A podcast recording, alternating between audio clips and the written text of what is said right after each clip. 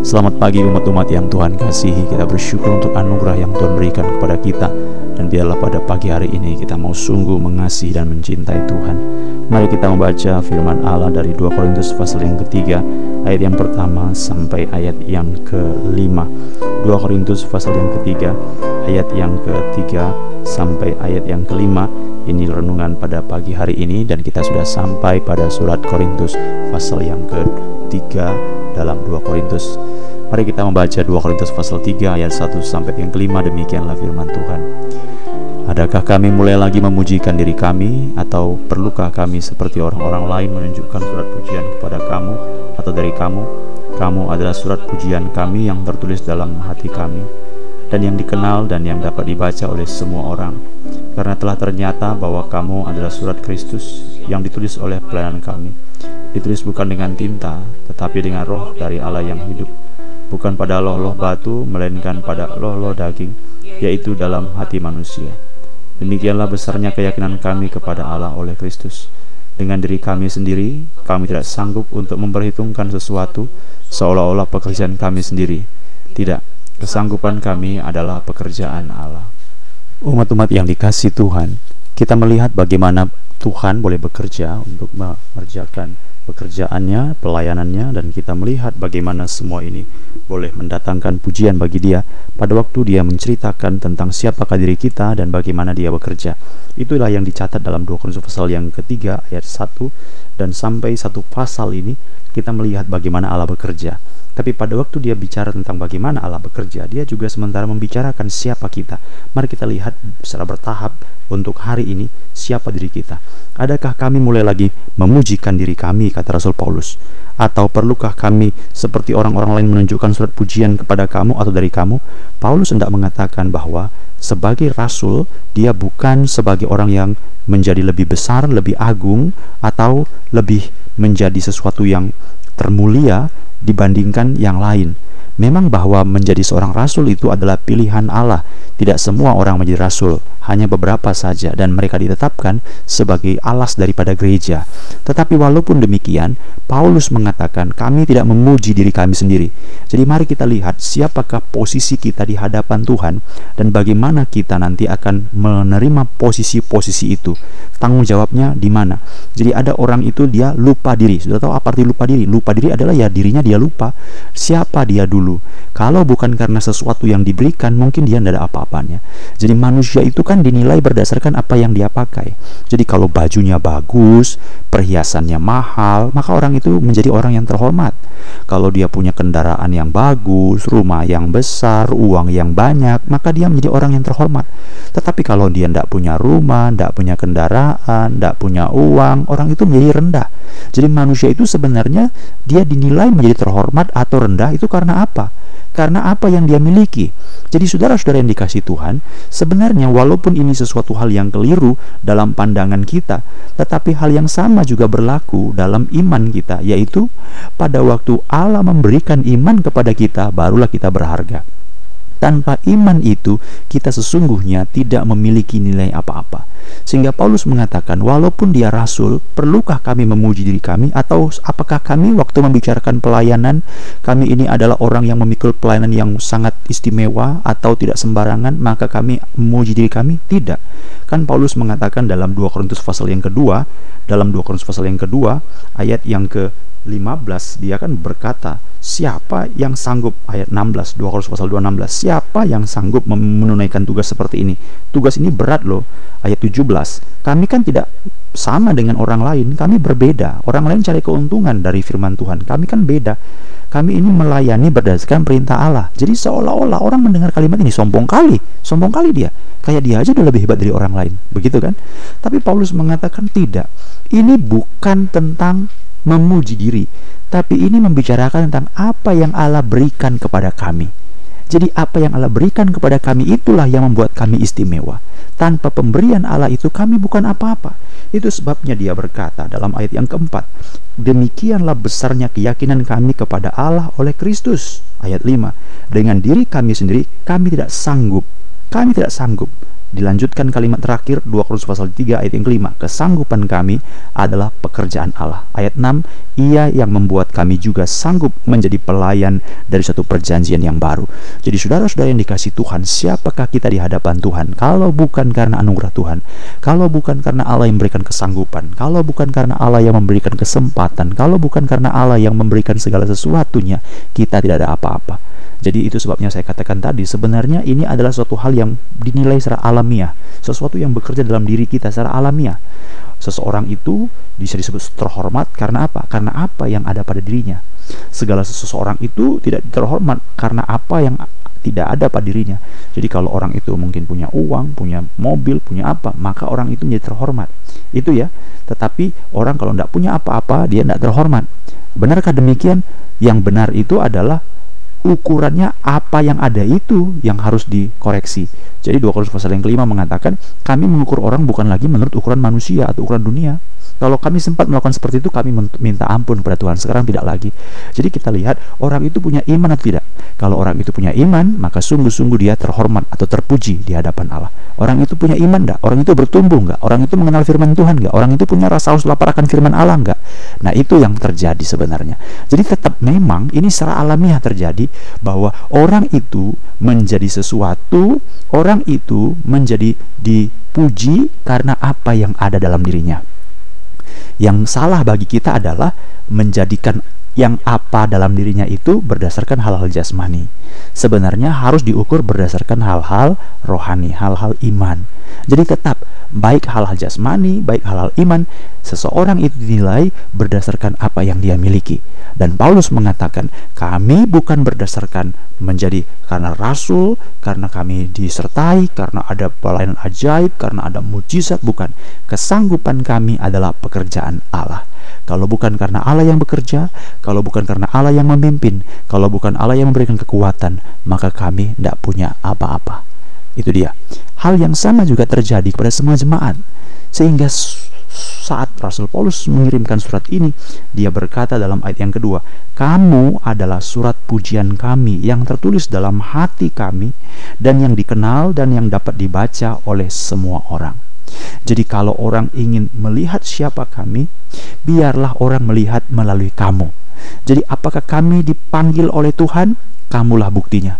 Apakah kami memang disertai oleh Tuhan? Kamulah buktinya. Apakah kami dikonfirmasi sebagai orang yang diurapi Tuhan? Kamulah buktinya. Ya kan? Kamu buktinya. Kalau memang betul-betul kami ini mengerjakan pelayanan yang dari Tuhan, tentu ada buahnya. Buahnya itu apa? Kamu adalah buahnya.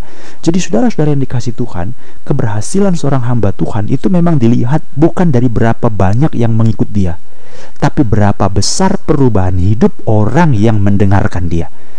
Saya ulangi sekali lagi ya.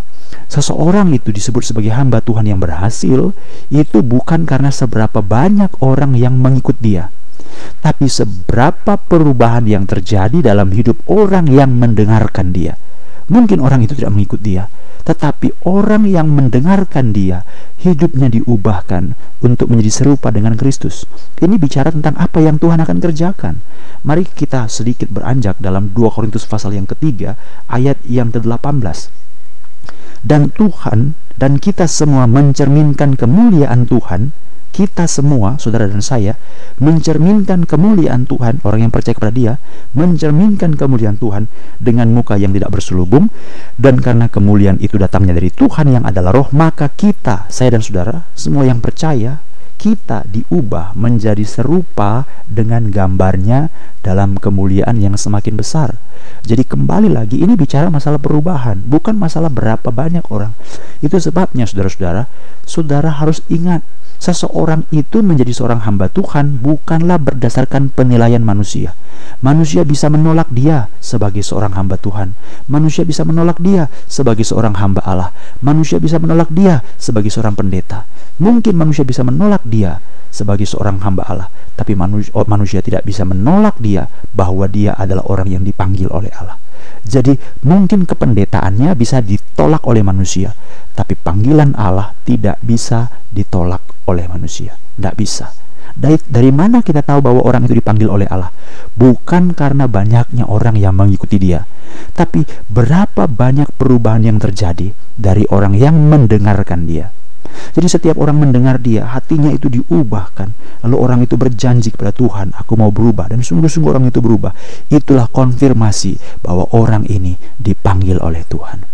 Jadi saudara-saudara yang dikasih Tuhan Paulus mengatakan, kamu, orang lihat apakah kami betul rasul atau bukan, kamulah buktinya. Kalau hidupmu amburadul, kalau hidupmu tidak beres, berarti kami juga hamba Tuhan yang tidak beres.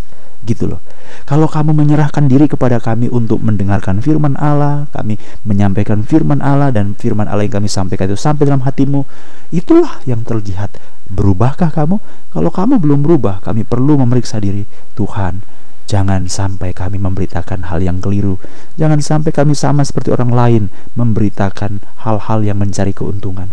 Jadi kamulah, kamulah Saudara-saudara yang dikasih Tuhan, bicara masalah jemaat sebagai orang-orang yang mengkonfirmasi pelayanan daripada hamba-hamba Tuhan. Ada beberapa ayat Alkitab yang saya ingin bacakan. Misalnya dalam Filipi pasal 4. Paulus mengirim surat kepada jemaat di Filipi dan dia menceritakan tentang siapa orang-orang jemaat ini di hadapan Tuhan dan bagaimana dia mereka dinilai. Filipi pasal 4 ayat 1. Karena itu saudara-saudara yang kukasihi dan yang kurindukan.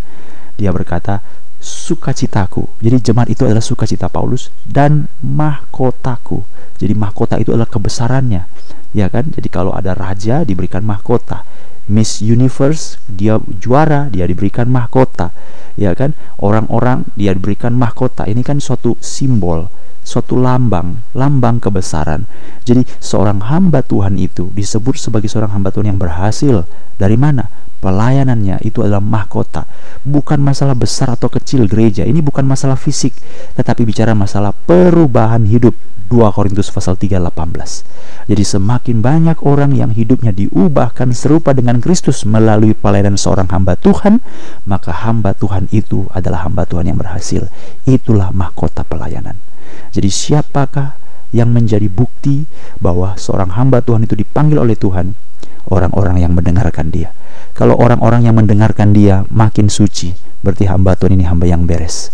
Kalau orang yang mendengarkan dia makin hidup kudus, makin takut berdosa, makin hidup jujur, berarti hamba Tuhan ini beres. Tapi kalau orang mendengarkan dia menjadi orang yang makin brengsek, makin jahat, makin bejat, itu hamba Tuhan yang gak beres.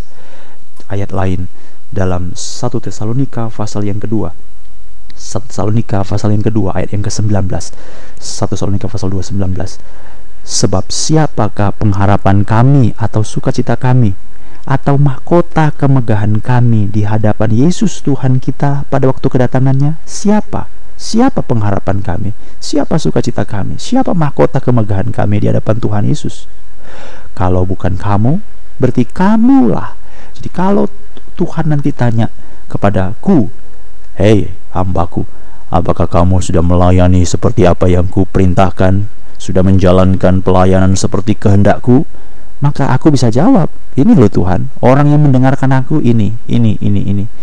Berapa hidup mereka diubah, berapa hidup mereka dilawat, berapa hidup mereka dijama oleh Tuhan, berapa hidup mereka diperbaharui, berapa hidup mereka mau hidup suci, berapa hidup mereka takut berdosa, berapa hidup mereka menyalipkan keinginan daging dan hawa nafsu, berapa hidup mereka yang mau pikul salib, berapa hidup mereka yang mau memberitakan Injil, berapa hidup mereka yang mau tekuk lutut berserah dalam tangan Tuhan dalam segala situasi berapa berapa yang haus lapar akan firman Allah bagaimana?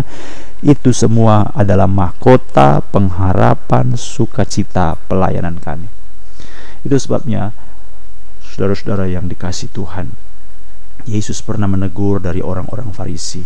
Dia berkata dalam Injil Matius tentang orang-orang Farisi betapa mereka memiliki suatu kegigihan dalam pelayanan tetapi orang-orang Farisi itu adalah orang-orang yang telah melakukan sesuatu yang lebih jahat ya, lebih jahat daripada mereka sendiri. Ini adalah satu kebahayaan. Matius pasal 23 ayat yang ke-15. Celakalah kamu hai ahli Taurat dan orang-orang Farisi. Hai kamu orang-orang munafik, sebab kamu mengarungi lautan menjelajah daratan untuk mentobatkan satu orang saja. Jadi orang ini bertobat. Tetapi mentobatkan satu orang saja menjadi penganut agamamu dan sesudah ia bertobat Yesus mengatakan kalimat ini, "Kamu menjadikan dia orang yang neraka, dua kali lebih jahat dari kamu." Inilah suatu bukti bahwa keberhasilan pemimpin dilihat dari jemaat yang mendengarkan dia. Apakah yang mendengarkan itu lebih jahat, semakin jahat, tambah jahat, atau sebaliknya? Tambah hari, tambah cinta Yesus. Apakah sebaliknya? Tambah hari, tambah benci dosa. Ini pertanyaan besar. Paulus mengatakan, "Kamulah mahkota kami. Kamulah surat yang dilihat oleh orang, bukan ditulis dengan tinta, tapi oleh Roh Kudus."